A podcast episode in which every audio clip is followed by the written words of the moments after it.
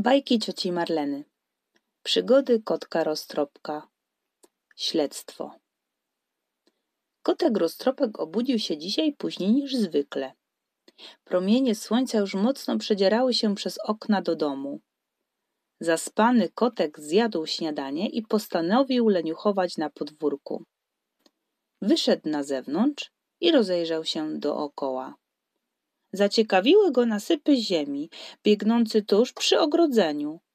Podszedł do każdego kopca, powąchał i poczuł, że nie tylko on rządzi na tym placu.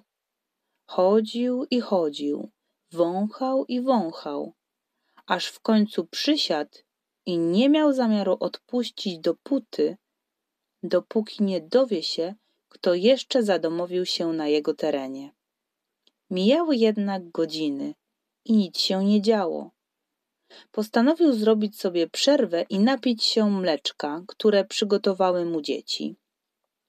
Poprosił przyjaciółkę myszkę, aby towarzyszyła mu w śledztwie.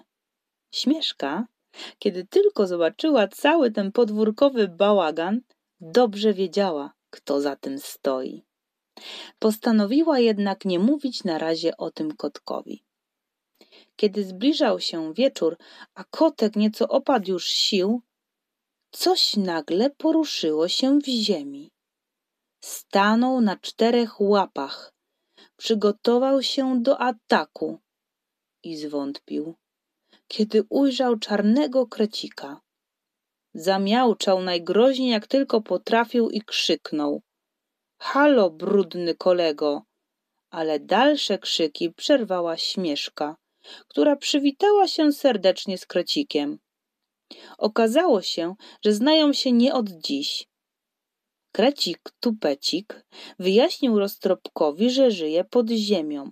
Kopie długie tunele w poszukiwaniu pożywienia. A kiedy już znajdzie pyszne dżdżownice, buduje podziemne gniazdo ze spiżarnią.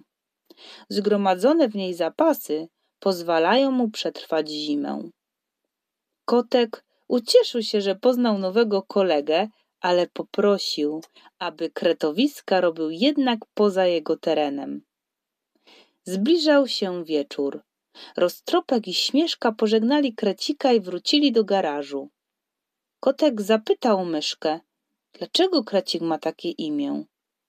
Przyjaciółka odpowiedziała, że Krecik ma niezły tupet, żeby tak rozgrzebywać komuś podwórko.